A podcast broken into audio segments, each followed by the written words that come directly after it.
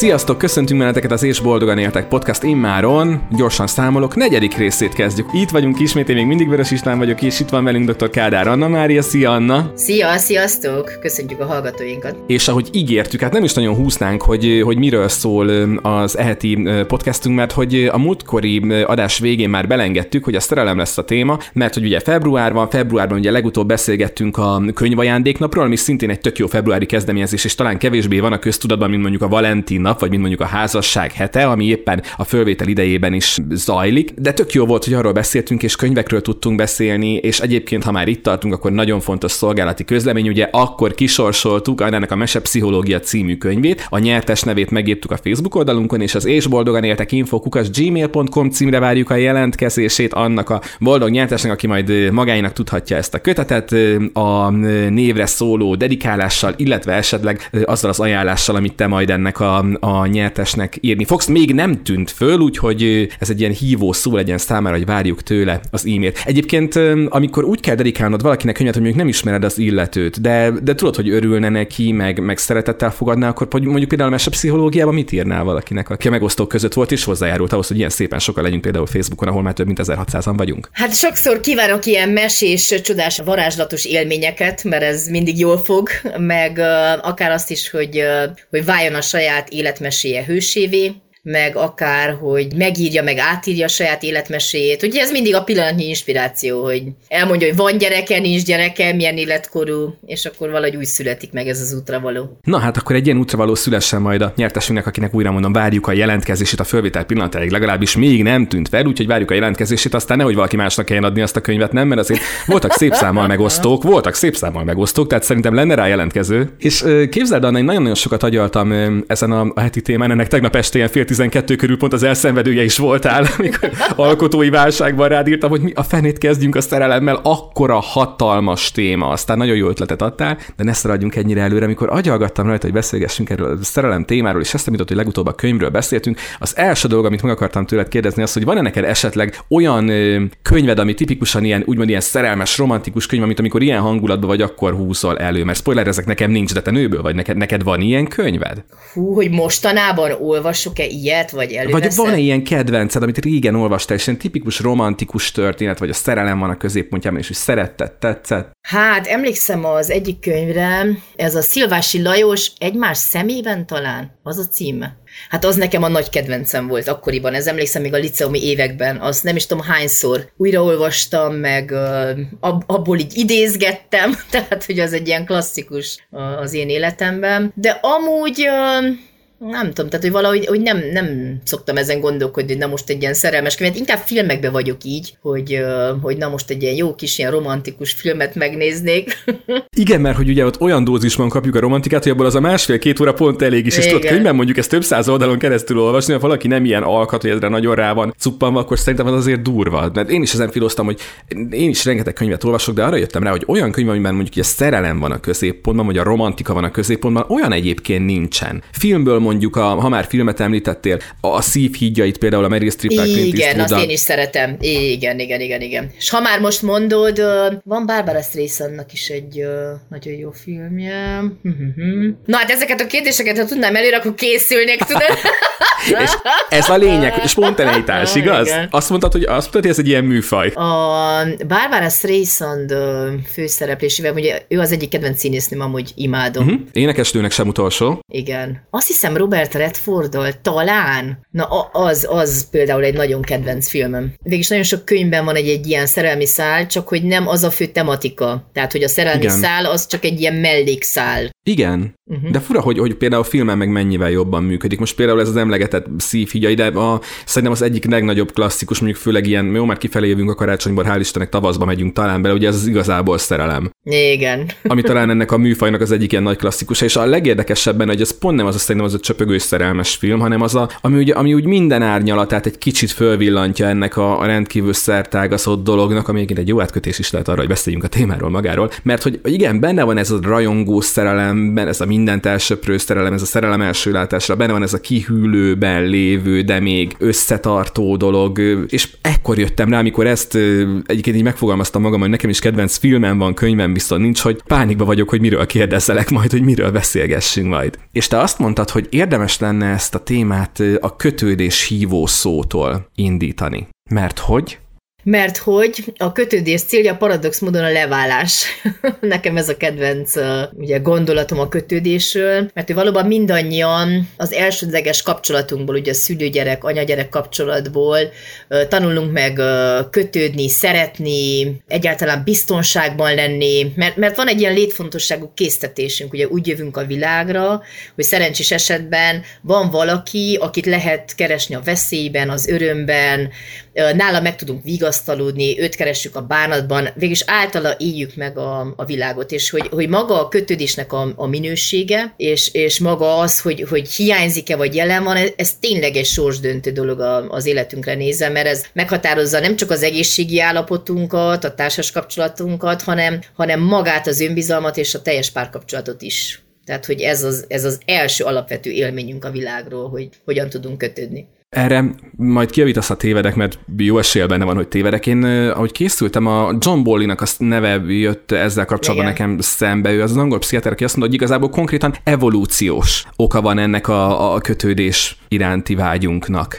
Igen, tehát hogy mindannyian egy ilyen genetikai programozottsággal jövünk a világra, hogy, hogy van egy ilyen kapcsolati igényünk, és ez a kötődés, ugye, hogy ő fogalmazza meg, ez egy láthatatlan kötelék ugye az anya és a gyerekek között. Ez egy ösztönös viselkedés, mert hogy ő is megfogalmazza, hogy itt van ez az imprinting jelensége, hogy, hogy nehéz más személyre átirányítani. Tehát, hogyha az kialakult, akkor utána nem lehet ezt az egészet helyettesíteni. És hát ugye maga az újszülöttnek a viselkedése, hogyha belegondolunk, maga a sírás, a nevetés, ezek hívják elő ezt a kontaktus igényt, és ugye elősegítik, hogy az anyával ugye kapcsolatba lépjen. És itt jön az anyának ugye a, a része, hogy, hogy mennyire válaszkész az anya, mennyire mennyire reagál a csecsemő kapcsolat kereső viselkedésére, mert hogy, hogyha ez a kettő megvan és klappol, akkor jön létre a biztonságos kötődés. És ennek is megvannak a szenzitív periódusai, mert hogyha ugye az első időszakban, és, és ott vannak ezek a kísérletek, amikor ugye ilyen deprivációs kísérlet, hogy nincs ott az anya, és hogy akkor mi történik a gyerekkel, és ez a hospitalizációs szindróma. Hogyha nem épült ki ez a modell, mert ugye minden gyerekben kiépül egy modell a világról, tehát e, e, ez az, amiről Erikson is beszél, ez az ősbizalom versus ősbizalmatlanságnak a kialakulása, hogy a világ az egy jó hely, ahova érdemes volt megszületni, ahol, ahol reagálnak, hogyha én sírok, felvesznek, hogyha nyugtalan vagyok, megetetnek, hogyha éhes vagyok. Tehát, hogy ez a legalapvetőbb ősi élményünk. És, és hogyha megkapja ugye a gyerek ezt a, a kötődési kapcsolat biztonságos, akkor uh, jóval magabiztosabb lesz, jóval könnyebben feltalálja magát a társak között, jóval együttérzőbb lesz, és itt jön ugye közben a szerelem, meg a kapcsolat, hogy, hogy a közeli kapcsolataiban legyen ez baráti, vagy akár szerelmi kapcsolat, hogy létrejön egy érzelmi mélység tehát, hogy valóban meg tudja élni, és nem egy felszínes dolog, és hogy nem retteg és fél, hogy elhagyják, mint a bizonytalan kötődés esetében, meg na, hát e- erről is beszélhetünk reggelig erről a témáról, de hogy ez az alapja, igen, mindennek. Igen, ezt szerettem volna tőled kérdezni, hogy igazából mondhatjuk, hogy ha, ha, ha a szerelem jelenségéről, vagy valamennyire szeretnénk megérteni ezt a jelenséget, vagy magunkat megérteni ebben a jelenségben, akkor itt is, mint a, a legtöbb ilyen dologban, akkor a, a szülőknél kezdődik a dolog, mert mindig mondják, hogy a szülőkön ugye mekkora a felelősség, hogy mindig mindent a szülőkhöz vezetnek vissza, de hát az alapján, amit mondtál, nekem e tekintetben így hirtelen nem is lett kérdés. Persze, és hát az elsődleges gondozó, és itt az anyának a szerepe ugye az egyik legfontosabb dolog, mert hogy hogy ebben a kapcsolatban éli meg lényegében a gyerek a világot, és, és főleg, hogy szimbiózisban van az anyával, majd utána persze a kötődésnek, mivel hogy paradox módon célja a leválás, tehát ő pont ezt tapasztalja meg, hogy biztonságosan le is lehet válni, tehát, hogy tartom is a gyereket, de utána meg el is engedem. Tehát, hogy a kötődés egy idő után az meg terhes, hát pont úgy, mint a párkapcsolatban is, hogy ugyanazokat a szakaszokat követjük végig. Hogy az első ugye a szimbiózis, amikor ott együtt vagyunk, és fogjuk egymás kezét, és csak együtt, de utána meg kell differenciálódnunk, tehát hogy mindenki el kell indulni egy kicsit a saját útján, de hogyha túl differenciálódunk, az megint nem jó, mert ott kell legyen az újra közeledés, tehát valahogy újra össze kell kapcsolódjunk, és utána, amit megteremtettük ezt az egyensúlyt, akkor jön létre az érett párkapcsolat, és ez ugyanazt a mintát követi, ugye Margaret Mahler írta le ezeket a szakaszokat, és a párkapcsolati fejlődési szakaszok is ugyanerre rímelnek rá, tehát ugyanezt tesszük egy párkapcsolatban is. Ezért van az, hogy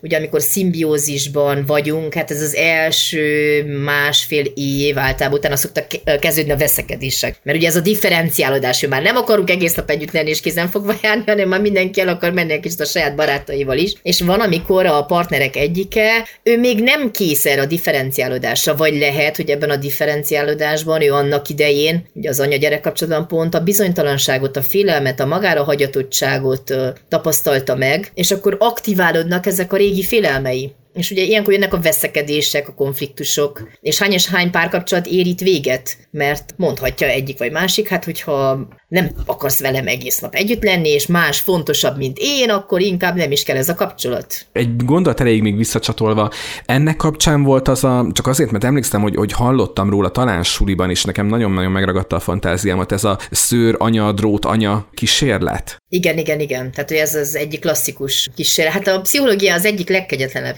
kísérlete, hogyha belegondolunk, mert hogy a kötődésnél pont ezt mutatták ki, ez a harlóféle kísérletnél, hogy hiába adja a drót anya a táplálékot, mert ugye rá volt kötve ez a cumis üvegszerűség. Bocsánat, ezt kicsit elmeséled nekünk, akik esetleg nem ismerik, hogy konkrétan miről is szól ez a, a kísérlet? Igen, a majmokkal végezték, egy ilyen kismajommal végezték el ezt a kísérletet, hogy van egy drótanya, akire rá van kötve egy ilyen cumis üvegszerűség, amin keresztül ugye a kismajom kapja a táplálékot, és hát ugye ő megszokja, hogy mindig onnan jön az étel. De amikor, és mellette van egy ugyanilyen majom, drótból készített ilyen valamilyen figura rajta, ilyen szőr, ilyen puha dolog, és amikor szerintem egy ilyen kis ilyen doboló, nem tudom milyen figurát raknak oda be, amitől a kismajom megijed, és akkor nem a drótanyára kapaszkodik, hanem a szőranyára. Tehát, hogy ott találja meg ő azt a biztonságot, és ugye hát ott, ott van a majmoknak eleve ez a kurkászó viselkedése, hogy, hogy amikor pont ez a kép jutott eszembe, mert a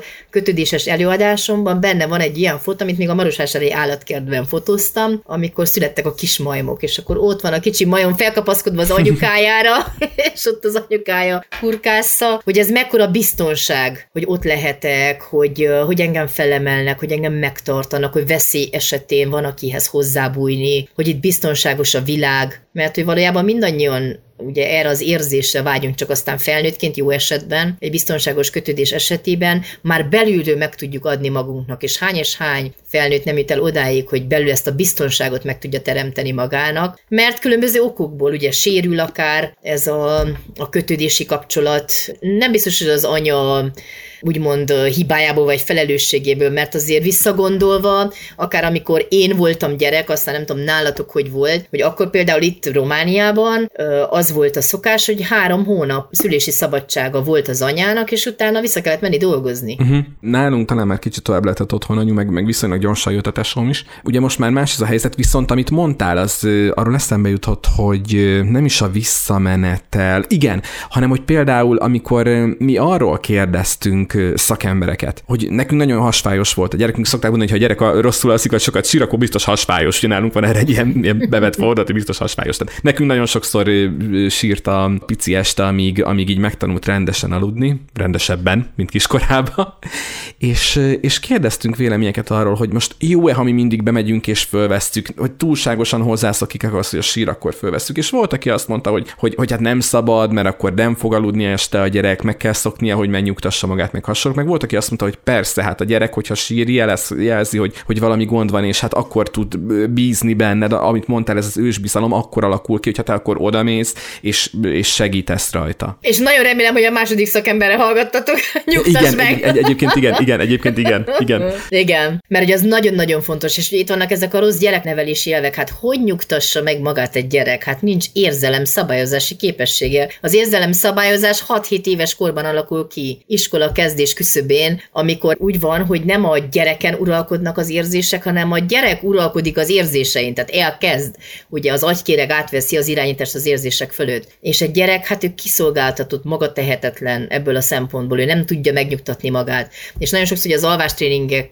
kapcsán lehet hallani, hogy hát igen, ott hagytam, sírt egy éjjel, sírt két éjjel, aztán harmadikra megnyugodott. Nem, ez nagyon téves elképzelés, nem nyugszik meg, sőt, kutatások mutatják ki, megmérik a gyereknek a stresszhormon szintjét, ugyanolyan zaklatott belül. Csak mit tanul meg? Nincs kitől segítséget kérni, nincs kihez fordulni miért sírjon, ha soha senki nem jön? Tehát ez Igen. a tanult tehetetlenség igazából, ez fog benne kialakulni. Erről olvastam talán árvaházak kapcsán, hogy, hogy, hogy árvaházban ugye miért nem sírnak a gyerekek, mert tudják, hogy hiába sírnak, nem megy hozzájuk senki. Nagyon drasztikus És szerintem ez a, az a világ legszomorúbb dolga. És hát hogy lehet számomra elképzelhetetlen anyaként, hogy lehet ugye hallgatni a gyereksírást úgy, hogy te nem mész oda és nem nyugtatod meg. Tehát, hogy annak is egy nagyon mély trauma lehet az alapja, hogy én nem érzek arra késztetést, hogy én megnyugtassam meg, most én így akarok megnevelni mondjuk egy 0-5 hónapos gyereket. Uh-huh. De hogy hány és hány jó tanácsba szerepel ez, hogy nem kell felkaptatni, és hogy nem kell elkényeztetni, és manipulál téged a gyerek, hogy manipuláljon téged egy egy uh-huh. éves gyerek, tehát azért uh-huh. ez még nem itt kezdődik a manipuláció, aztán jó, megtanul a gyerek, de nem ekkor ami egy nagyon-nagyon, nem ezer szállal kötődik a témához, de szerintem ez egy nagyon-nagyon fontos gondolat, vagy, vagy, vagy kitérő volt. Végül is a, a kötődéssel kapcsolatban, amit mondtál. Azt mondják egyébként, hogy a, az általad is többször emlegetett biztonságosan kötődő felnőttek, állítólag, hogyha már a filmektől indultunk, állítólag jobban hisznek abban, hogy ez a filmekben bemutatott ilyen nagyon romantikus, élethosszig tartó, ez a szinte már szürreálisnak tűnő szerelem, hogy ez egyáltalán nem szürreális egyébként. Tehát, hogy ők hisznek ebben. Teljesen igaz, és tehát megnézték a szerelemnek a mentális modelljeit, és akkor megnézték azt, hogy a különböző kötődésű emberek mennyi, hogyan reagálnak az ilyen típusú helyzetekre, és hogy valóban így van, hogy a, a biztonságosan kötődő felnőttek uh, azt mondják, hogy a, hogy a romantikus szerelem létezik, hogy ez valóban hosszú ideig tart, és nem szürkül el. Tehát, hogy igazából ők hisznek abban, ami a podcastünknek a címe, és boldogan éltek, ameddig meg Mi nem is hiszünk benne. Úgyhogy ez egy nagyon jó próba, amikor a partnerünkkel elkezdünk beszélgetni, vagy megnézzünk egy romantikus filmet, és akkor mi az ő véleménye erről az egészről, meg a szerelemről, mert hogy ugye ők kisebb mértékben értenek egyet azzal, hogy, hogy magában ezek a regényekben, meg az ilyen romantikus filmekben ábrázolt szerelem, ez nem létezik. Ő, ők tényleg hisznek abban. Még, még ugye, hogy is van, hogy az elkerülő kötődésű felnőtt, ő pont azt mondja, hogy a, a lángoló romantikus szerelem az oké, hogy van a kapcsolatnak a kezdetén, de nem tart az időknek a végezetéig. És nehéz találni valakit, akivel szerelembe lehet esni. Tehát, hogy ő nem hisz ebben, hogy nagy csak úgy szerelembe lehet esni. Meg, amit én el szoktam mondani mindig a diákjaimnak, és mindig fülelnek, hogy ez Igen. az ambivalens kötődési személyt van a, Hát a film is nagyon érdekes, a Kamilleon, biztos láttad, az a magyar film. Igen, igen, nagyon régen nem emlékszem rá, megmondom őszintén, de tudom, hogy láttam. Egy pasi a főszereplője, azt tudom, Igen, aki igen, átveri igen. a nőket, mert ő megtanulja, igen, hogy igen. mit kell mondani. És aztán ő is végül is szerelmes lesz, de hogy az ambivalens kötődésű felnőtt, nagyon-nagyon könnyen esik szerelembe, és hát úgy, úgy mindig elhiszik neki, hogy jaj, most te vagy az igazi, de aztán három hét múlva, jaj, most te vagy az igazi. Tehát, hogy ez a túl sok párkapcsolat, és mire mélyülne a párkapcsolat, akkor kimenekül belőle, hát ez ugye egy kötődési mintázat, és ezt nem tudja másik megoldani. És hogy mennyi sérülés származik ebből, hogy én azt hiszem, hogy ez most pontosan az én hibám, hogy ő nem tud hozzám kötődni. És ez az ambivalens kötődésű felnőtt, ő, ő mindig gyakran kapja magát azon, hogy ő szerelmes lesz. Tehát ő nagyon sokszor lesz szerelmes, pont ez a lényege. Tehát, hogy könnyen szerelembe esik, de nem kerül el az intimitás azon fokára, hogy, hogy megtartsa ezt a párkapcsolatot, meg kibírja a kapcsolat, a veszekedéseket, a konfliktusokat, a nehézségeket. Neki csak a romantika tetszik az elején. Fogunk még beszélni a, a, gyermeki stádiumkról, tehát hogy hogyan jutunk el addig, hogy egyáltalán megértsük, hogy mi ez a szerelemnek hasonló, csak annyira belementünk most ebbe, hogy nem szeretném elengedni ezt a szálat. Annál is inkább, mert hogy ahogy például hozta ezt a, a Kameleon című filmet, illetve azt, hogy, hogy ugye a, a kötődés formája, hogy, hogy milyen stádium kell neki a szerelemből, meg hasonlók, bennem fölmerült a kérdés készülés közben, és nem is tudom, mi lehet rá választ, hogy a szerelemmel kapcsolatban is végezhetünk egy olyan egyfajta önismereti munkát, ami arral enged tanulságokat levonni mondjuk saját magunk felé magunkról, hogy hogyan szeretünk. Tehát, hogy az valamit elárul-e magunkról, vagy valamit tudunk-e belőle tanulni, vagy, vagy valahogy tudunk-e fejlődni általa, hogy, hogy, hogy mi hogyan szeretünk. Tehát még egy ilyen típus ember fölismeri azt, hogy, hogy úristen, nem tudom, ez a 20. nő, és még mindig senkivel nem jutottam két hónapnál tovább, és egy adott intimitásnál tovább, és mindig baj van, és akkor valamit tennem kell, vagy pedig ezek olyan dolgok, amik annyira mélyről épülnek érzelmi szinten, hogy igazából csak konstatálni lehet állapotokat, de nagyon változtatni nem. Mit mond erről a tudomány, Anna? Hát mind a kettő igaz, mert hogy le lehet élni úgy az életet, hogy te mindig sodródsz, és azt mondod, hogy hát velem ez történik, hát most mit csinálják, mindig szerelmes leszek. Vagy Marikába, vagy Gyulcsikába, és akkor jön a következés, abban is szerelmes leszek. Hát nincs mit csináljak, hát én ilyen vagyok. Tehát, hogy le lehet élni egy egész életet azzal, hogy, hogy uh, ilyen az én életem, és ezen nem is kell változtassak. Viszont pont most uh, dolgozok egy olyan klienssel, aki 51 néhány éves, és ő felismerte pontosan ezt a mintázatot, hogy vajon miért kerülök bele olyan kapcsolatokba, amik így, és most nem akarok részleteket mondani, de így és úgy végződik. Hol van az én szerepem ebben? Én meg szeretném tudni, hogy mi az, amin nekem változtatni kell, és igazából ő egy férfi, és pont uh, erre gondoltam, hogy bárcsak minden férfi, és ezt vissza is jeleztem neki, hogy bárcsak minden férfi eljutna odáig az életében, és nem csak férfi, hanem nő is, hogy, hogy ezeket a kérdéseket fel tudja tenni magának, hogy hol van az én részem, mi az én 50 százalékom ebben az egészben, mi az, amit én viszek, mint kötődési mintázatot is ugyanúgy csinálom, mint a nagyanyám, vagy a nagyapám, vagy az anyám, vagy az apám, és hogy felismerem ezt az árnyékot, ugye, amiről Jung beszél, ami, amivel azért elég kemény szembesülni, hogy hát minden hűséges ember egy kicsit hűtlen, minden becsületes egy kicsit becsületlen, tehát hogy minden tulajdonságnak az ellentét párja is ott van bennem. És ez hiába projektálom a másikra, hogy ő olyan, és akkor őt csak így lehetett szeretni, mert hát a fele az az enyém. És hogyha van ismétlődő mintázat, hát az mindig gyanús, hogy ott persze, hogy vastagon benne van az én részem is. Csak hát ugye ezért vannak a védekező mechanizmusaink. A racionalizálás, ez a savanyú a szőlő, meg a Aha. tagadás, meg az intellektualizálás, hogy megmagyarázom, hogy ez most miért történt, vagy az elhárítás, tehát hogy, hogy ezek nagyon kemény dolgok, amivel, hogyha szembenéznénk, hát akkor lebomlik a, ugye a kognitív diszonanciánknak a fala, és újra kéne építeni az egész életünket. Pedig hát nem rossz dolog ez a szembenézés. Jó, persze senki nem szeret úgymond a saját gyengeségei, vagy esetleg még egy önhibáján kívül hozott dolgokkal, ugye, amiről a transgenerációs elméletekben az életeken átadásban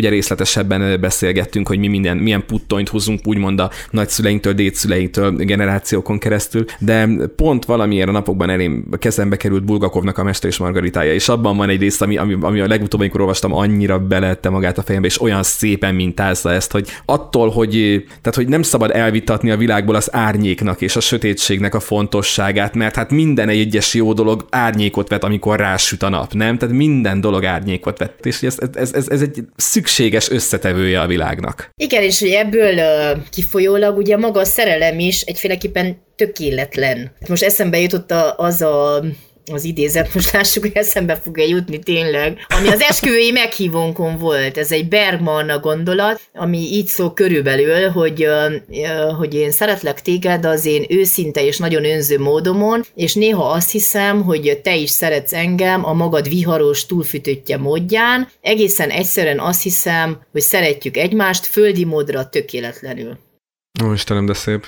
Mi mondjuk 8, 8 év után házasodtunk össze, 8 év uh-huh. udvarlás után, és hogy minden benne volt a mi kapcsolatunkban is. Ugye a szimbiózistól, a differenciálódásnak a nehézségei, még külön is voltunk egy fél évet, utána uh-huh. megint együtt, tehát, hogy, hogy megjártuk ugye ezeket az állomásokat, voltak szenvedélyes veszekedéseink is, minden, és, és, és valahogy, amikor elköteleződtünk, én tényleg azt éreztem, vagy szerintem mind a ketten azt éreztük, hogy, hogy már nem, tehát, hogy nem arra tökéletes, hogy az illúzióinkban megjelenő kapcsolatra vágyunk, hanem a húsvér emberi kapcsolatra. Tehát akkor már tudtuk egymás uh-huh. hibáit, egymás hiányosságait, kipróbáltuk, hogy tudunk ezzel együtt élni, tudtuk, hogy a konfliktus konfliktusainkat tudjuk rendezni, És igazából ott tanultam meg, akár ebben a kapcsolatban, hogy a veszekedések is mennyire fontosak. Tehát ő ki tud mondani, konfliktusba tud kerülni, le tud rendezni, mert, mert van ezzel kapcsolatban egy mítosz, hogy a, a nagy szerelmesek azok nem veszekednek. De hát hogy ne veszekednének? Tehát akkor De egyik fel kellene adja teljesen a,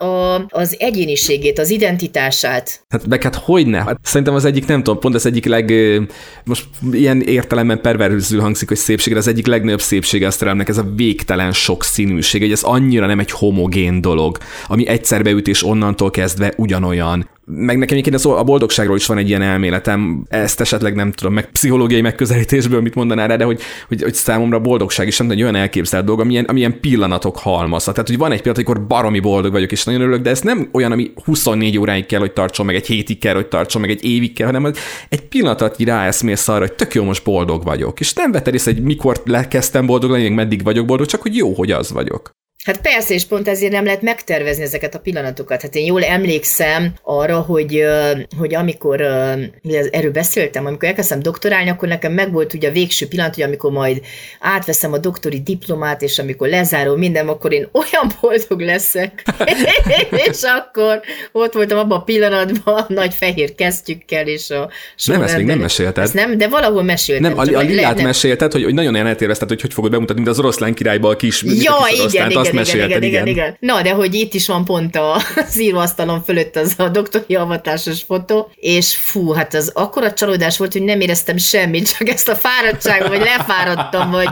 És, a, és akkor jöttem rá végül is arra, hogy, hogy nem is az a pillanat, amikor ugye, hát most kapsz egy diplomát, most nem tudsz annak örülni 20 évig, mert most kaptál egy diplomát, hanem maga az út, tehát az, uh-huh. az szintén, milyen érdekes ez a nyolc év tényleg, mert nyolc évig uh, jártam a doktorira, és nyolc év volt az út, nyolc évig építettük a házat, tehát ezen a nyolcason uh-huh. most melyekkel lassan gondolkodjak. Számmisztika. Nyolcadikán született a férje. Na de, hogy, uh, hogy igazából pont ezeken az utakon és a nehézségekben, tehát a nehézségek megoldása után jöttek ezek a boldog pillanatok. Uh-huh. Mert uh, hát ugyanúgy itt ez, tényleg egy érdekes párhuzam, akár ugye a szerelem, meg a boldogságnak a megélése, és sokszor azt hiszük, hogy kiülünk a tengerpartra, napozunk, szürcsőjük a koktélt, ez egy tök jó instafotó, ugye uh-huh. hátulról, ugye, és még a naplementes, még mit tudom, szarvas iszik a patakból, most nem a tengeren, hanem amikor el tudsz képzelni egy jó gicses képet, és igen, akkor boldog igen. leszel. És hogy igazából nem abban a pillanatban vagy te boldog, hanem amikor be tudtál fektetni erőt, meg energiát, meg kikínlott alkottál magadnak valamit, ugye a flow élményeknek uh-huh. pont ez a lényeg, uh-huh. és ugyanígy a párkapcsolatban is, hogy attól, hogy fogjuk egymás kezét és nézzük a naplementét, és mindig nagy harmónia van, tehát az egy idő után, hát van Ottlik Gézának ez a mese a szerelemről. Na, azt el kell olvassam, mindjárt előkeresem. Hát az kemény mese. Pont erről a dologról. Nem tudom, ismered azt? Nem, nem, nem, én ne, ne, ne, Ottliktól szégyellem, én csak az iskola határon olvastam, viszont azért vállalta rajongok. Azt nagyon Igen? Uh-huh. Igen, én nagyon szeretem az iskolatáron. Rengeteget, jó életkorban kapott el, és rengeteget adott. Meg is van. Igen? Ez az utolsó mese, az a cím. Ez egy kicsit más mese, mint amilyen meséket szoktunk hallgatni. Lényeg az, hogy volt egyszer egy elvarázsolt királyfi, aki egy tündérszép királykisasszony kezére pályázott, de csak úgy kaphatta meg, ha előbb legyőzi a hétfejű sárkányt, felépít a kacsalában forgó kastélyt, és felébreszti és megnevetteti a befalazott alvó királykisasszonyt. Sok-sok vesződés, kaland, hőstet, utazás és munka árán legyőzte hát a hétfejű sárkányt, felépítette a kacsalában forgó kastélyt, és felébresztette az alvó királykisasszonyt. No, az mindjárt elmosolyodott, és megtartották a lakodalmat. Aztán, hogy ez is véget ért, leültek egymással szemben, és mosolyogtak. Eltelt egy nap, és még egy, még egy. Már az első is igen hosszú volt, mert sok órából állt, az órák meg sok percből, a percek meg sok másodpercből. Hát most mihez fogjunk, kérdezte a királyfi. Most boldogok vagyunk, mondta a felesége. Igaz is. De három nap múlva a király kisasszony szólalt meg. Mit is csináljunk most, kérdi. Hát boldogok vagyunk, mondja az ura. Vagy úgy, persze. Megint mosolyogtak egymásra egy napig, de akkor egyszerre felállt mind a kettő. No csak. Van egy ötletem, mondta a királyfi. Befalazlak és elaltatlak megint. Jó. Lerombolom a kacsalában forgó kastélyt, föltámasztom a hétfejű sárkányt, hogy újra legyen mit építenem, és legyen kit legyőznöm. Neki is fogtak mindjárt. Csak hogy ez sem volt már olyan egyszerű. Sem a sok vesződtség, még több hőstet, sem kaland jövésmenés árán, sem bírta lerombolni a kastélyt, mert az mindig elfordult előle a kacsalábakon. Még kevésbé bírta a helyére tenni a sárkány levágott hétfejét, és nem lehetett a király kisasszonyt sem befalazni, elaltatni többé. Így teltek a napok, amikből hónapok lettek és rövid esztendők, és így születtek. Még ma is élnek, ha meg nem haltak. Na hát ez egy kicsit más mese. Na és kb. ilyen amikor ugye csak azt várjuk, hogy na, és boldogan éltek, és ott Aha. nézzük egymást, és boldogan élünk. És akkor, ha már mese, tök jó átkötés, akkor kérlek, hogy mesélj bennünket vissza a, a gyerekkorig, és azt, hogy végül is ez a fajta érzelem egyáltalán mikor kerül először a képbe. Én emlékszem, hogy egyszer Hevesi, dr. Heves Krisztinával, ő szexuálpszichológus, ugye beszélgettem, már nem is tudom, hogy miről, de, de ő mondta, hogy már például a, a, a szexualitás valamilyen mélyen, szinte magzati korban valamilyen szinten megmutatkozik, és emlékszem, hogy úgy leesett az állam, hogy miről beszél, és akkor ő erre hozott konkrét példákat. Tehát, hogy maga ez, amit mi, mi szerelemnek hívunk, ez, ez hol lép be az életünkbe, ez a fajta érzés, hogyan lép be az életünkbe, és aztán, aztán hogyan épül addig, hogy már tudjuk, hogy szerelmesek vagyunk, amikor már ugyan haza a kisfiú, kislánya az hogy képzel, én szerelmes vagyok az Ádámba, vagy a Bélába, vagy a Tündikébe, igen, szerintem, hogyha így az ellentétes nemű szülőhöz való kapcsolódásnál, ugye, hogy Freud mondja, ez az ödipus meg elektrokomplexusnál van az egyik első gyökere, ugye ezt mindenki tudja, amikor a kisfiúk lovagiasan viselkednek az anyjukkal, vagy puszilgatják, vagy ölelgetik, vagy védelmezik őket, de közben ugye versengenek az apjukkal az anyjuk kegyeiért. Néha még rivalizálnak is. Tehát azt mondod, hogy ez létező, ez a hát minden fiú első szerelme az anyja, minden lány első szerelme az apja? Igen, ez az ödipus komplexus, tehát igazából ezek sem ilyen tudatos dolgok, hogy én most tudatosan elhatározom, hogy szerelmes leszek a, az anyukámba, vagy a kislányoknál, aha. ugye ez az elektrokomplexus néven ismert. De hogy ez ugye maga az identitás fejlődésben, ugye ahogy leírja Freud ezeket a fejlődési szakaszokat, ez a pszichoszexuális fejlődésnek a része. Mert hogy igenis ott van a rivalizálás, meg igenis ott van, hogy, hogy akár örülnének, hogyha az apjuk egyszerűen eltűnne, hogy átvehessék a helyüket, de miközben érzik a lelkismeret furdalást, hogy ez egy rossz felállás, mert hogy ők az anyjukat is szeretik. És uh-huh. emiatt van ez a szorongás, és ugyanezt történik a kislányoknál is, amikor az apjuk iránt rajonganak. De hogy tehát, hogy, hogy már a szülővel, ugye az ellentétes nemű szülővel megtapasztalja ezt a, a szeretetnek a másik világát, hogy a szerelmet, és ez egy teljesen normális, egy egészséges dolog, tehát hogy nincs mögötte semmilyen lelki zavar, tehát hogy ez nem probléma, sőt, ugye ezek az első élményeink a, a szerelemről. Meg uh, utána, tehát hogy miután, tehát az is nagyon fontos, le kell mondjon erről a vágyáról, tehát hogy ez nem valósulhat meg, és akkor ugye kötődik, az, tehát hogy jobban kötődik ugye az azonos nemű szülőhöz, és identifikálódik a férfi meg a női szerepmintával, ugye attól függően, hogy fiú vagy lány, és megtanulja ugye ebben a kapcsolatban, hogyan is kell jól szeretni. Ú, nagyon-nagyon furán hangzott ez a hogyan is kell jól szeretni zárás, mert hogy, hogy aztán pont az következik, hogy mennyiféleképpen tudunk, vagy lehet jól szeretni, nem? Hát igen, jól szeretni, ez neki mindig az lesz az első mintája, ahogyan ő látta az édesanyja meg az édesapja között, hogy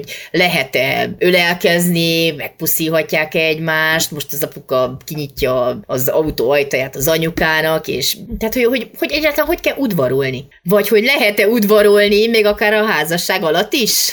És ez is, ez tényleg egy olyan dolog, amit, ami szintén én csak ilyen, ilyen közhelyként ismerem, és ezért kérdezem meg tőled, mert meg tudom mondani, hogy ez most csak legenda, vagy pedig van-e valóság alapja, hogy tényleg olyan szinten meghatározzák ezek az élmények aztán utána utána később felnőttként, ahogy növekszünk, és ugye egyre tudatosabban próbálunk úgymond párt választani magunknak valamilyen szinten, ezeket a mintákat keressük utána a, a szembejövő lányban, vagy a szembejövő fiúban, hogy, hogy úgy viszonyuljon hozzám az a lány, ahogy mondjuk az anyám viszonyult hozzám, vagy ahogy mondjuk a, a lányoknál az apjuk, amilyen mondjuk udvarjas, vagy előzékeny volt, vagy ilyen gyengéd volt, akkor ilyen típusú pasit keresnek utána, vagy hogy mondjuk egy ilyen pokrócap típusú apukával egy ilyen, mit én, macsósabb vadállatot keresnek, vagy nem is tudom, mi a jó szó. Tehát ez, ez akkor tök valid. Mindenképpen a párválasztásunkban ott van ez az első minta, mert hogy már az óvodás gyerek is megfogalmazza, hogy te leszel az én feleségem, vagy te leszel az én férjem. És persze, hogy a szülő elmagyarázza a gyereknek, hogy ez már sajnos nem lehetséges, hiszen anya már férnél van, és apának is már anya uh-huh. felesége,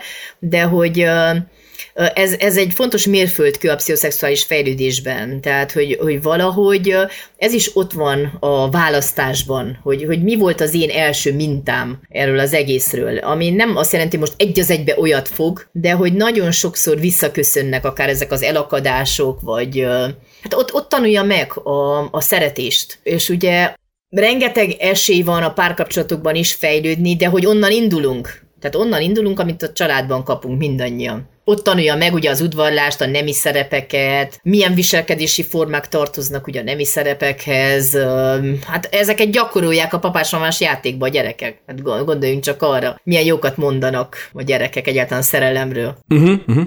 Igen, erről készültem egy pár ilyen, ilyen best of csak kíváncsi voltam, hogy ez merre gördül tovább, hogy mondtad, hogy ugyanezt a gyerekek elkezdik gyakorolni, és pont ezen gondolkodtam, hogy, hogy mikor kezdenek el ezzel a gondolattal úgymond játszani, hogy oké, okay, hogy a, ugye a szülőknek mondták, te leszel majd az én feleségem a sok, de mikor úgy jönnek haza, hogy a, az óvodában mondjuk én megbeszéltem az Ádámmal, hogy ő lesz majd a férjem. Tehát ilyenkor, ilyenkor ők, ők milyen mélységig élik ezt meg, vagy, vagy csak eljátszák azt, hogy, hogy milyen jó, hogy a felnőttek ilyet már tudnak, és hogy ők meg ugye ébrednek úgymond öntudakra, és akkor meghatározzák magukat így ezáltal, vagy hogy ebben már van egyfajta, tehát hogy mikortól van az, hogy, hogy tényleg elkezdenek úgymond szerelmesek lenni.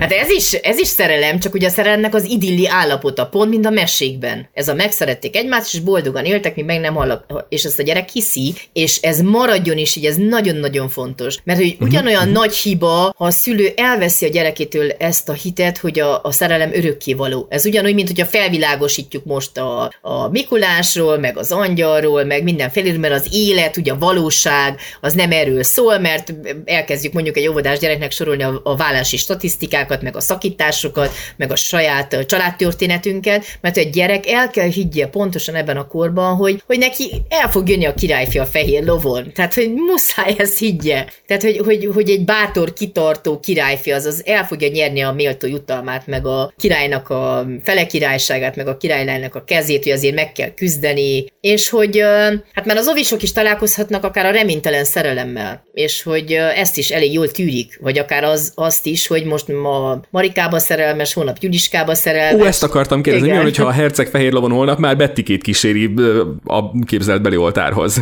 Mert a gyerekeknél ez nagyon változó. Tehát, hogy ez is teljesen belefér, az még nem az ambivalens kötődésnek a jele, mint a felnőttnél. Tehát, hogy attól függ, hogy ki hogy reagál a próbálkozásaira, tehát mennyire le a partnerre, ugye az, az ellentétes nemű gyerekben, mert hogy általában ugye úgy választ a gyerek, hogy ki az, akivel jó együtt játszani, vagy jó együtt lenni, kihez tud a legjobban csatlakozni, és akkor annyira édesek a gyerekek, hogy viszik haza ugye a táskájukat, ugye a kislánynak, meg, meg emlékszem, hát ugye én is sokáig még nem találtam meg az én első szerelmemet, csak annyit tudok, hogy a Varga Zolinak hívták, és nem tudtam kimondani a Varga Zolit, csak a Barga Zoli, tehát annyira kíváncsi lennék, hogy tényleg ő most hol van, vagy mi az, nem sikerült a nyomára bukkanni, de hogy, hogy emlékszem jól, hogy egy hatalmas cirkusz lett az Oviban, tehát szerintem ilyen középcsoportos voltam. Emlékszem arra a jelenetre, amikor állunk a mosdóba sorba, és akkor Bargazoli megpuszíja az arcomat, tehát az első puszit megkapom tőle,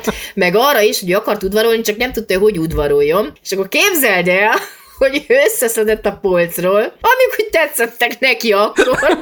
Egy sapka, egy sál, egy kesztyű, még egy taknyos zsebkendő is volt.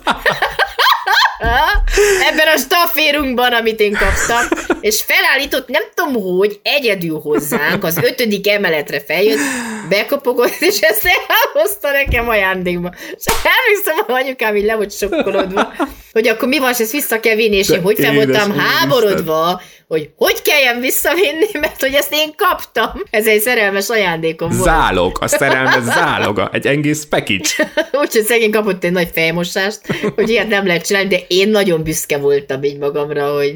Meg azért korán kezdted, én emlékszem, hogy én, én szerintem alsó tagozatos voltam, és a szépség és a szörny rajzfilm változatán ültünk a napközisekkel a moziban, tehát nem most volt, mert már film is van belőle, tehát a rajzfilm változatán Aha. ültünk a moziba, amikor a mellettem ülő kislány, aki másik osztályba járt, talán elsősök vagy másodikosak voltunk, adott nekem egy puszit. Hát a mai napig hallod, a mozinak a szagára emlékszem, esküszöm, esküszöm. Ez a villanófény emlék, ez nagyon sokszor ugye hát nem véletlen, hogy ez megmarad az első nagy szerelem, az első csóknak az emléke, tehát hogy tényleg ezek mind-mind, hát visszük magunkkal ez a szerelmünk történetében azért mi, minden egyes uh, ilyen emlék ott van. Anna is most azért egy csomó kellemes meg szép dologról beszéltünk, de mi van akkor, amikor bejön ennek a kevésbé szép része? Mert ugye a gyerekek azért amennyire jó pofák, meg cukik, meg aranyosak. Egyébként, ha már itt adunk, akkor gyorsan nézzünk rá az nlc.hu listájára, amit küldtél nekem mielőtt kezdtük Igen, a fölvételt. Az nagyon tetszik nekem. Ó, kiválasztottam néhány kedvencet, de te is mondjuk nyugodtan, hogyha neked van. Rögtön a legelső gyerekeket kérdeztek arról, hogy mi szerintük a szerelem. A szerelem az, amikor hagyjuk, hogy a pizzából a lány válassza az első szeletet.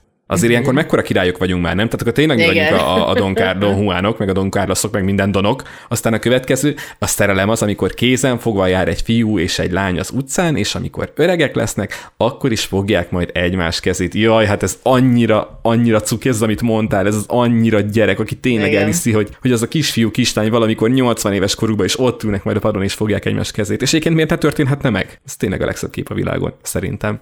Igen. És az utolsó, amit én kiválasztottam, ez már kicsit pasisabb. Szerintem fiú is mondta.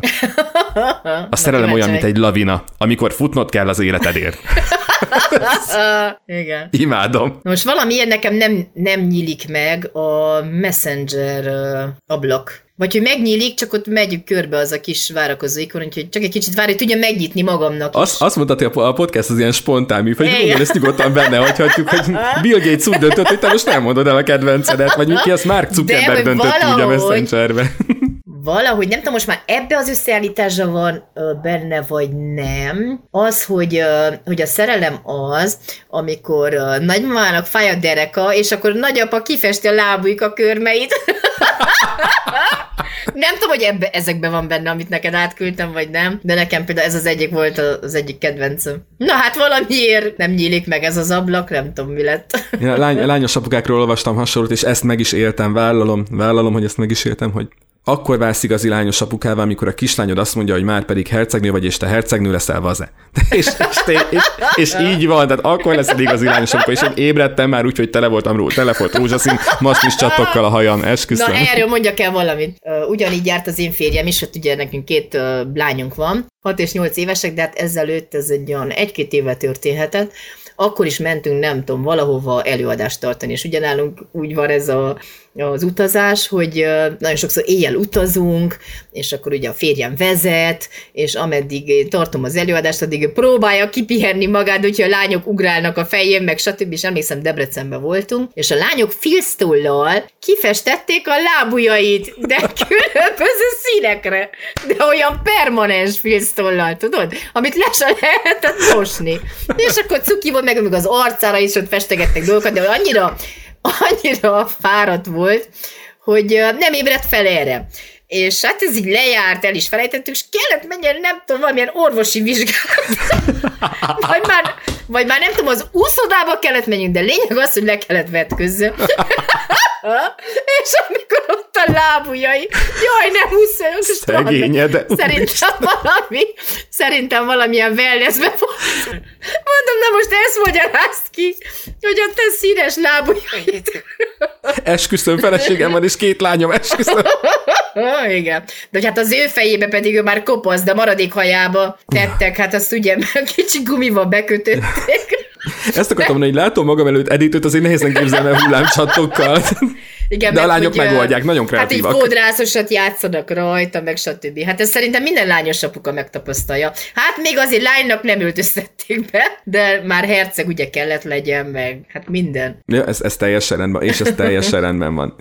És akkor um, az előbb egy, egy fél mondatban utaltam rá, de hát nyilván erről is beszélnünk kell, hogy, hogy mi történik akkor, amikor jönnek a kevésbé jó élmények, Anna. Tehát amikor elkezdjük megélni ugye ennek a nagyon szép összetett dolognak ugye azt a bizonyos árnyékot vető részét. Ez jellemző Ezen egyébként milyen életkorban, milyen érzésekkel kezd először jönni? Mondjuk a, amikor az óvodában megtapasztalom, hogy aki az előző nap még a mennyasszony volt, másnap már másnap mennyasszonya, vagy pedig az még egy ilyen játékos módon tovább mm, és azért ez ilyen komolyabb érzések később alakulnak. Hol, hogy van ez? Hát még a kisiskoláskor ugye Freud szerint ez a latencia korszaka, hogy amikor ezek a, az energiák ott szunnyadnak, de hát azért, hogyha megnézzük a gyakorlatot, most már át kellene írni a fejlődéslegtan tankönyveket, mert ez nem pont így van, mert már 8-9 éves korban elkezdődik a prepubertás kor. Uh-huh. És igazából azok a nagy kamaszkori jellemzők, amik eddig 9-10. osztályban voltak, azok lejöttek 7.-8-ra, és ami 7-8 osztályban volt a, a kiskamaszkor, az lejött a kisiskoláskorra. Ez Tehát, azért rohadt, rohadt ijesztő, amit mondasz. Ez a 8-9 éves kor, igen.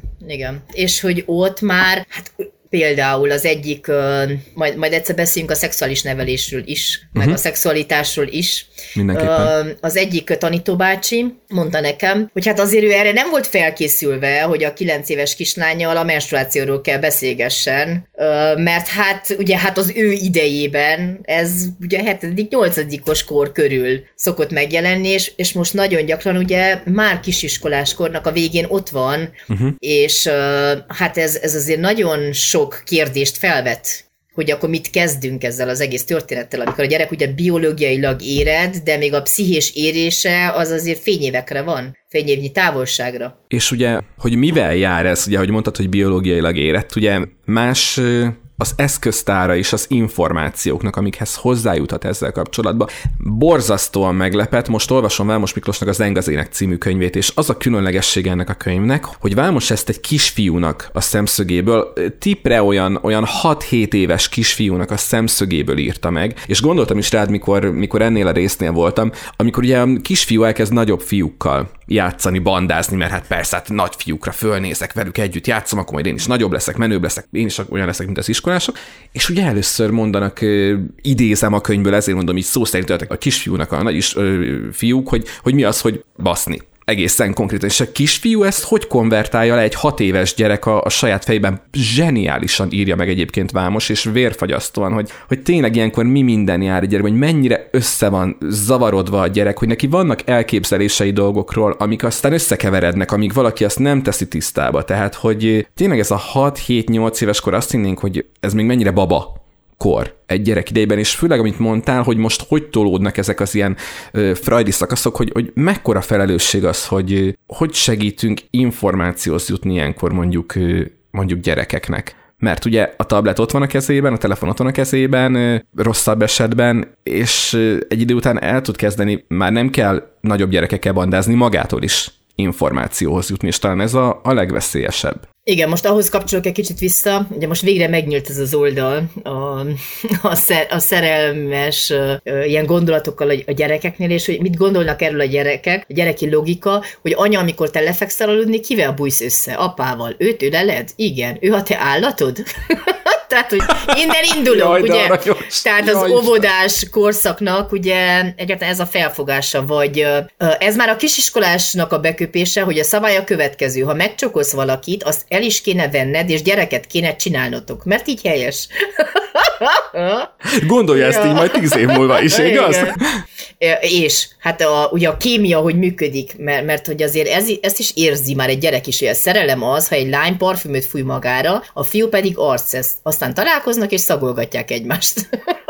Na és akkor hogy szagolgatják egymást? Na meg, hogy hogyan jutunk el uh-huh. ilyen kifejezésekig, uh-huh. mert hogy, hogy ugye a hozzám forduló szülőknél, meg a problémáknál látom, hogy például ez a harmadik, negyedik osztály, hogy akár két lánybarátnő összeül, és egyszer csak egy pornó oldalon találják magukat, és akkor a böngészőből az apuka rájön, hogy mi az, ami történt, vagy a gyerek lesokkolódik, egy olyan jelenetet lát, és hogy ez tényleg letraumatizálódik, és, és akkor, akkor kér segítséget egyáltalán a szülőtől. Vagy most uh, nemrég Hallottam Igen. ezt a példát, ez is egy megtörtént eset, XY városban, XY helyen, XY lyukasórán. A gyerekek ugye feltörték a kódot a számítógépen, és valami pornófilmet kivetítettek a, ugye, a kivetítőn, amit az egész uh-huh. osztály nézett egy órán keresztül. Az és a kislány mondta, hát ő nem nézett meg mindent, csak hogy próbált elfordulni, de hogy hát ugye a kortárscsoport, meg a kortárscsoportnak a nyomása azért mit is gondolunk egyáltalán a szerelemről, testi kapcsolatról, hogy hogyha ugye feltévedünk egy ilyen pornó oldalra. Mert hogy ez egy hatalmas törés azért egy gyereknek, tehát ez a félelem, a szorongás, hát ugye egy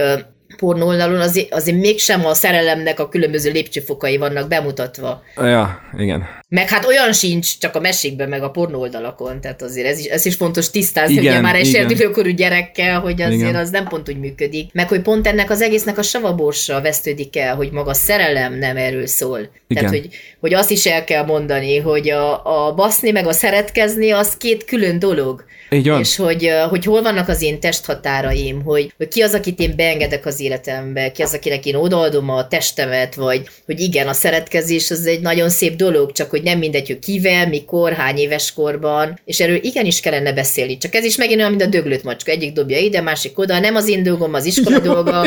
Egyik dobja ide, másik oda. Igen, a kerítésen, tudod, ez van nálunk egy ilyen mondás, hogy a döglött Ezt macskát... nem, ezt én nem hallottam még, de elképzeltem, mert vizuális alkat vagyok. A szerencsétlen dögröpül ide oda.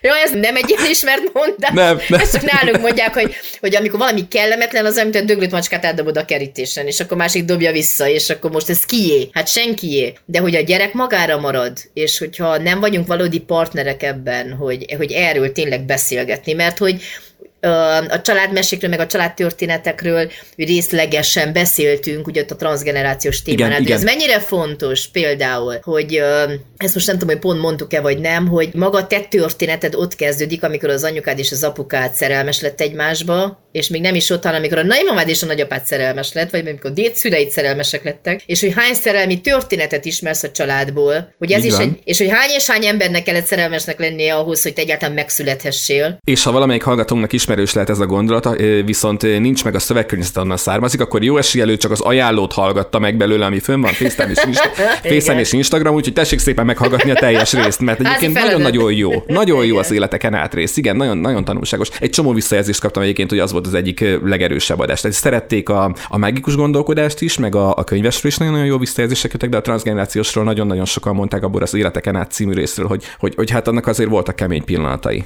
Szerintem egyébként ennek is így, ahogy a menetelünk kifelé a témában, hogy millió oldalról meg lehet fogni ezt a témát, de ugye a gyerekekhez tértünk vissza. A gyerekek és a szerelem, illetve a gyerekek és a szerelemnek ugye azt mondjuk, hogy az árnyoldalai. Na most egy ilyen, egy ilyen kitekintést tettünk, hogy mi történik, amikor olyan oldala világlik meg ennek a testi szerelemnek, hogy nem, nem feltétlen érettek még, vagy nem feltétlen készek még. De mi történik akkor, amikor, amikor mondjuk, mondjuk már idősebbek, és mondjuk szülőként az első ilyen igazi csalódással kell segíteni segítened a gyerekedet. Tök érdekes, mert emlegettük már a modern család sorozatot korábban, vagy én tudom, hogy említettem neked, aztán mondtad, hogy majd elkezdette is nézni, mert igen, nagyon igen, jó pofa. Igen, néztem meg. De hogy ott jött szembe egy, egy olyan rész velem nem is olyan régen, hogy, hogy ott a, hát ilyen kis kamaszkorú kislánynak, tudod, a, az első ilyen nagy csalódás, nem tudják a szülők, hogy, hogy mit kezdjenek vele. A sorozat specialitása, hogy két férfi, tehát egy meleg pár neveli ezt a kislányt, de hogy egy ilyen mondatot mondanék a kislány, hogy neked fogalmat sincs arról, milyen az, amikor nem kell lesz egy fiúnak, tudod, és akkor ugye a két sülsz, és azt mondja, na beszélgessünk kislányom, tudod, és így Igen. abban a pillanatban annyi minden benne volt, hogy na így kell ezt csinálni, tudod, nem úgy, hogy most leülök, előadást tartani kell, ez a megvárom, míg kimondja, és akkor, és akkor hajrá. Szóval, hogy, hogy erről tudnál egy picit beszélni nekünk, hogy, hogy, hogy ilyenkor mit kezdünk, mikor tudunk jót csinálni, milyen jelzésekre figyeljünk, hogy tudok olyan helyzetben a legjobb lenni, amikor az egyik legkényesebb dologban lenne szüksége esetleg a gyereknek rám. Hát igen, mert ez a csalódás megoldás az mindenképpen eljön. Mindenkinek az életében, korábban vagy későbben, de hogy ez ugye a serdülőkor körül, azért hogy nagyjából már megéljük ezt az első szerelmi csalódást, akár a plátói kapcsolatok esetében, hogy nem szeretnek vissza, hogy az is egy milyen kemény érzés, hogy én ott vagyok és mindent megteszek, és a másik egyszerűen nem reagál rám, vagy átnéz rajtam, vagy ugye érzelmileg nem elérhető, vagy én beletettem mindent, és, a, és akkor a másik megcsalt, vagy másba lett szerelmes, vagy egyszerűen azt mondja, hogy én túl jó vagyok neked, meg stb. Tehát, hogy bármi lehet, tehát, hogy bárhogyan, vagy akár, hogyha én mondok nemet egy kapcsolatra, amiről azt érzem, hogy az már bántalmazó, nem jó nekem, mert hogy azt is el kell gyászolnom. És akkor nagyon sokszor azt látom ilyen helyzetekben, hogy a szülő elkezd bagatelizálni, hogy ó, hát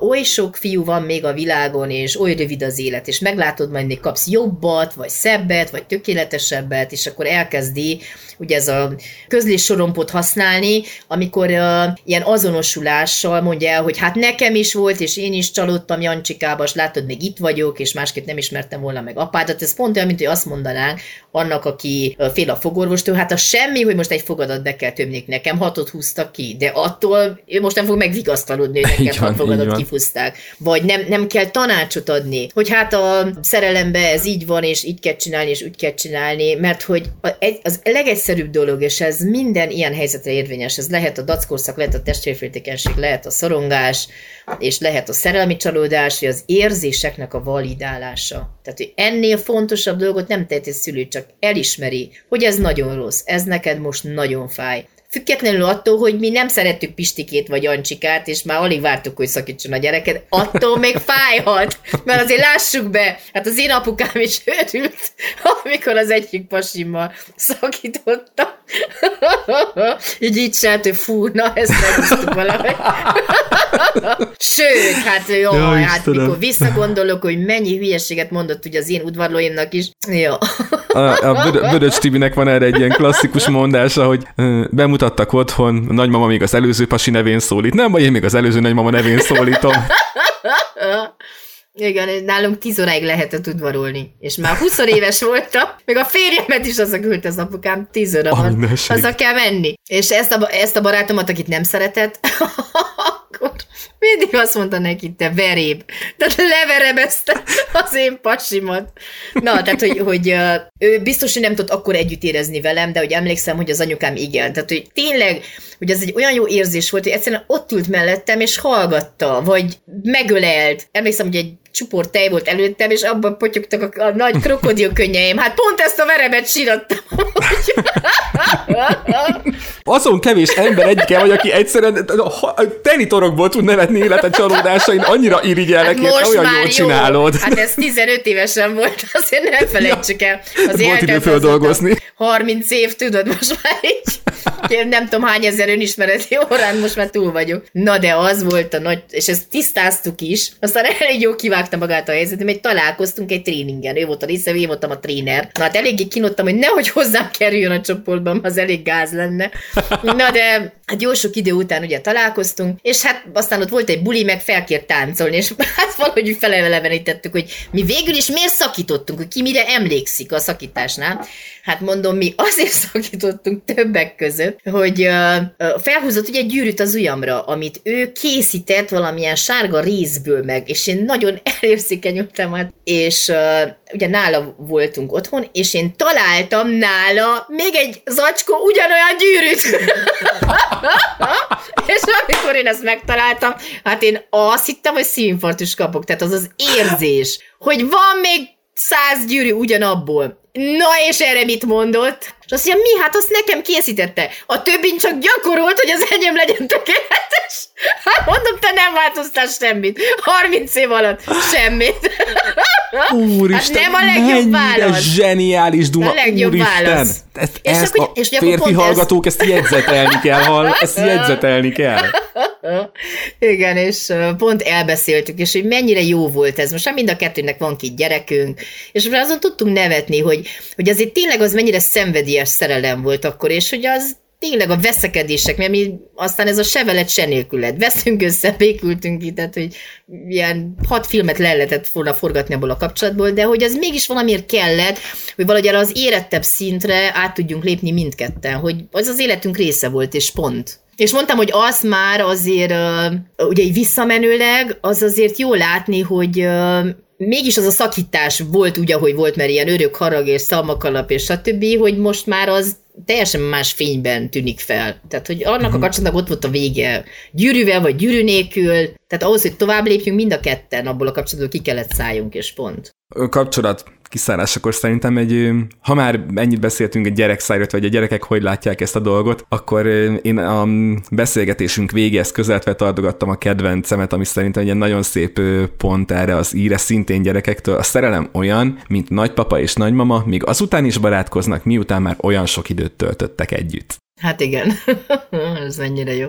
Igaz? Most ebben tényleg benne van ennek így nagyjából minden szépsége, de azért van még dolgunk. Nagyon-nagyon-nagyon sok mindenről lehet még beszélni, és ahogy ígértem, tehát tényleg vissza fogom hallgatni az előző négy részt, és amikor mondod, hogy erről még kéne beszélni, mert mindegyik részben egyébként volt egy pár ilyen kitérő, hogy még erről is, erről is kéne beszélgetnünk, akkor majd készítek egy ilyen jegyzetet, hogy tényleg nekünk is könnyebb lesz, hogy amikor témákat válogatunk, igaz a következő adásokhoz, hogy mi mindenről kell még beszélni, mert itt is annyi fele lehet még tovább menni, és fogunk is tovább menni. Mondani készülsz valamit, látom? Igen? Igen, ha jusson eszünkbe az, hogy amikről beszéltünk, vagy ilyen filmek, vagy könyvek, akkor linkeljük be majd a podcast alá, úgyhogy én is megígérem, hogy ezt a Barbara Streislandos filmet mindenképpen elő fogom keresni. Meg Igen, a Szilvási a... Lajos könyvből a kedvenc gondolatomat. Igen, mert ezt akartam mondani, hogy azt alapján, hogy van egy Barbara Streisand film, amiben talán a Robert Redford szerepel, még ne, nem biztos, hogy meg fogják találni Igen. a trélert. Igen. Oksi. Amúgy az Elit sorozat jut eszembe, tényleg az ilyen fiatalkori szerelemre, nem tudom, azt látta, de Elit. Azt nem, azt nem beszéltük, hogy azzal én le vagyok maradva, úgyhogy azt nekem kell majd megnéznem, neked pedig az eufóriát, az eufóriát kell igen. majd megnézni, mert azt meg én néztem meg, majd a második évad még hátra van, de ezt én is megnézem, mert akkor kicsit spoilerezzünk, nekünk terveink vannak ezekkel a sorozatokkal, tehát nem véletlen beszéltük, hogy ezeket is szépen vegyük sorra, és akkor már mondjuk a harmadik címet is, amelyik volt, amit még megbeszéltünk, hogy megnézzünk mindketten, az ugye a szexoktatás volt. Azt én már láttam. Igen, csak ezt beszéltük, hogy erre a háromra ja, fűzünk majd föl. Igen, igen, igen, igen, az igen, eufória, igen, a szexoktatás, igen. meg az elit, azt mondtad. Igen, meg a bullying kapcsán majd, a, ugye az aklatás kapcsán ez a 13 okon volt. Uh-huh. Tehát azt is mindenképpen arról is majd beszéljünk. Tényleg. Hú, az még egy kemény menet lesz, de, de arról, arról listán is volt, mindenképpen akarok veled beszélni, mert, mert, mert az, az, az, az, egyik legborzalmasabb dolog a világon, ami, amilyen hatásai annak tudnak lenni, és tényleg életeket tud megnyomorítani, megnyomorítani vég, vége, életeket, életeknek tud véget vetni azért, hogy elkezdődnének életek, de úristen, ne így zárjuk le ezt a beszélgetést. De amúgy a szerelem kapcsán is lehet ilyen, hát hány és hány Ajaj. iskolában ugye benne van. Persze az a kedvesebbik része, amikor felírják, hogy Anna plusz Józsika egyenlő szív, hogy ez még belefér ugye akár a képbe, de amikor ugye akár a szerelmes fél, vagy az idézőjeles szerelmes fél visszaél, akár fotókkal, akár kényelmetlen helyzetbe hozza a másikat, és ugye azért zaklatja, mert ő szerelmes volt, hát ugye a legsebezhetőbb pontján támadja meg az illető személy. Tehát, hogy a szerelmet soha nem lenne szabad így megszentségteleníteni, hogy, hogy, hogy ilyen dolgok következzenek belőle. Így van, ez nem éppen egy példaképhez méltó viselkedés, mert hogy ugye a következő adásunk témája viszont már, amit beszéltünk, hogy elsőként fogunk úgy fölvenni, hogy minden igaz face-to-face ülünk egy szemtől szemben egy asztalnál, az ugye a valódi példaképekről, hogy konkrét pontos legyek, a valódi példaképekről szóló beszélgetés lesz. Miért szeretted volna, hogy szálljunk ennek is egy, egy, egy, egy tartalmasabb órát, valódi példaképek? Amellett, hogy nyilván írtál erről egy könyvet.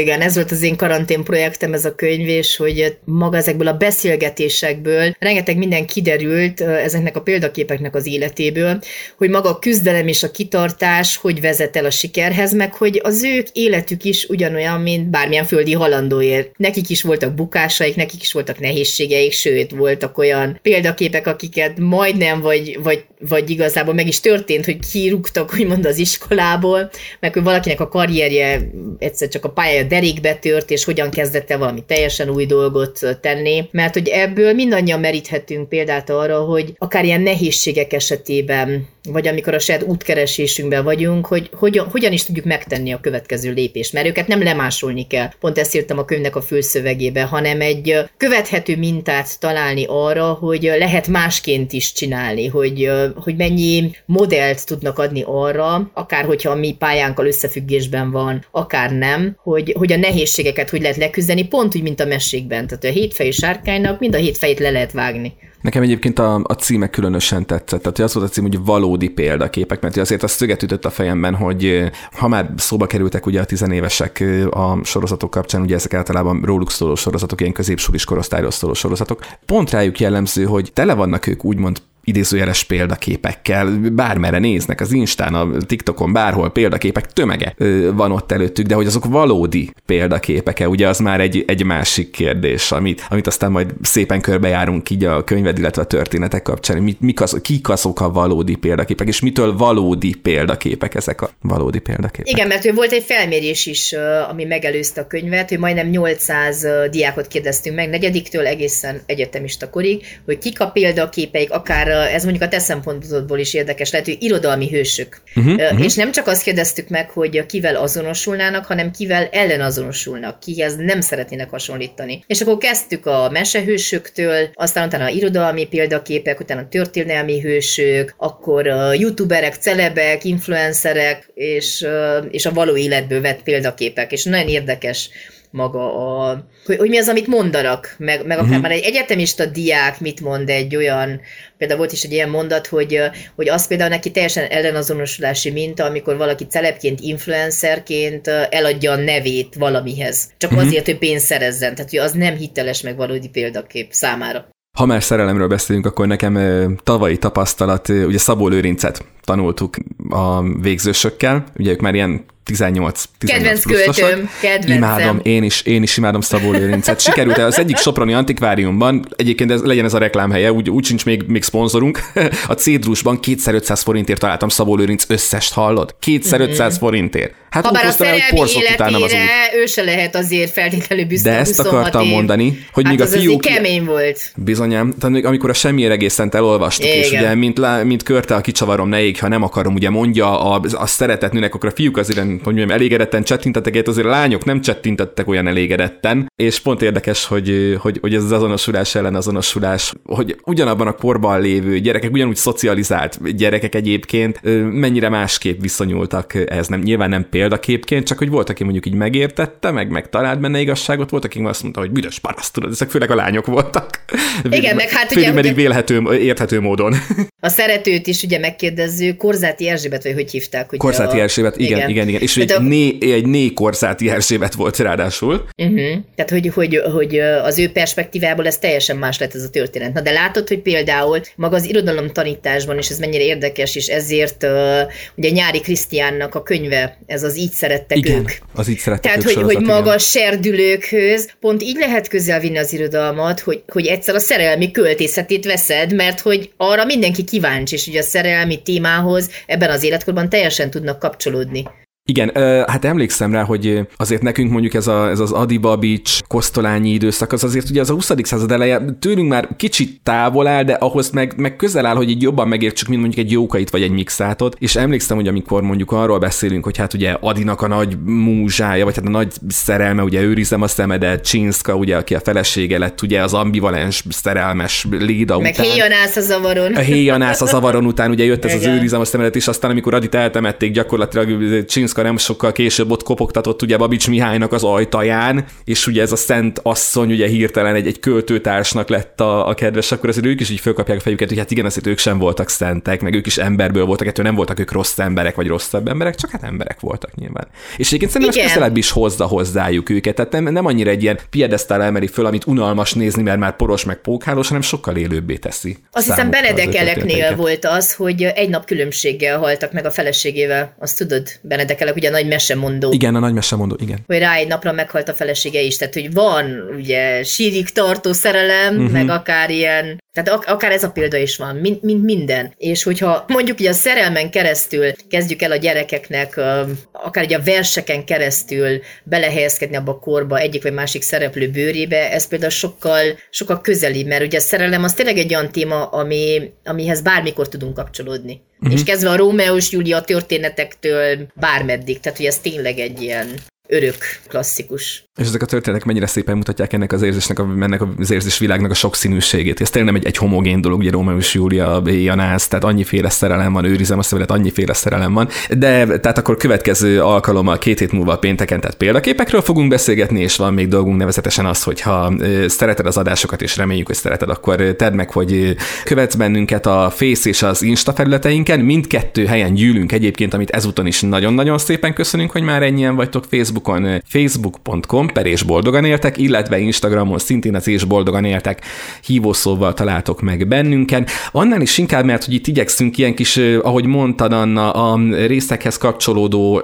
plusz tartalmakat megosztani, amikről beszélünk, esetleg linkkel megmutatni, fotóval megmutatni, videóval megmutatni. Ezeken a felületeken kis előzeteseket is ugye már a meg, új rész megjelenése előtt elcsöpögtetünk, például egy címmel, például egy kis idézettel, egy kis gondolatfoszlányjal, illetve ugye ott vagyunk a Patreonon is, is, amiről szintén fontos beszélnünk, mert hogy már van exkluzív tartalom is a, a Patreonon, ugye ez egy olyan felület, amelyen, hogyha szeretnéd, akkor támogathatod a műsornak az elkészülését, vagy a készítését. Két fajta támogatási formánk van, az egyik, az, az úgy neveztük, hogy csak egy páros fagyizás ára, ugye ez egy ilyen havi támogatási forma, és nagyjából tényleg ekkora összeget fed le, és azzal jár, hogy többek között ezeken a social media felületeken személyesen mondunk köszönetet mindenkinek, aki, aki bizalmat szavaz nekünk, és azt szeretné, hogy folytassuk, amit mit csinálunk, illetve van egy hallgatnám még támogatási forma, te magad tudod szabályozni, hogy mennyit szánsz erre a dologra, az pedig azzal jár, hogy az egyébként minden standard felületen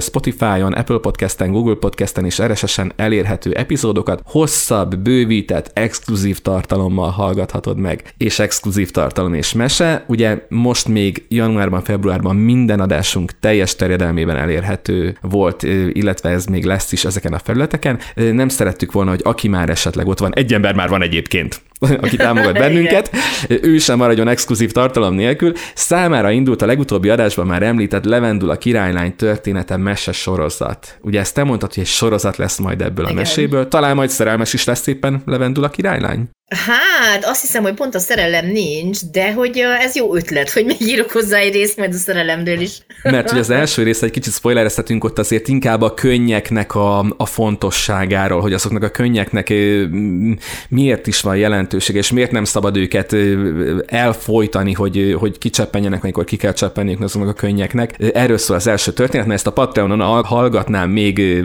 fokozatú támogatóink már elérhetik, illetve jövőben számukra hosszabb, exkluzív tartalmakkal bővített adások lesznek elérhetők. Mindent elmondtam, amit el kellett mondani? Igen, Anna? szerintem igen. Igen? Uh-huh, és benned marad még valamit elmondanál, vagy pedig majd két hét múlva péntekre tartalékolod? Hát az, a szerelemről szerintem nem lehet elég sokat beszélni, hogy még beszélhetnénk reggelig, de nekem kell mennem órarendet készíteni az egyetemre, úgyhogy ha akarok, ha nem, én most nekem, nekem itt ki kell lépnem. Nekem, nekem talán műsortükröket kell írnom, az lesz majd a folytatásban, úgyhogy köszönöm, köszönöm szépen, hogy most is itt voltál, neked pedig köszönjük, hogy itt voltál velünk a túloldalon, és meghallgattad ezt az adást is. Találkozunk két hét múlva pénteken, hogy addig is boldogan éljünk. Igen, még meg nem hallunk. Így van, szia Anna. Sziasztok. Sziasztok.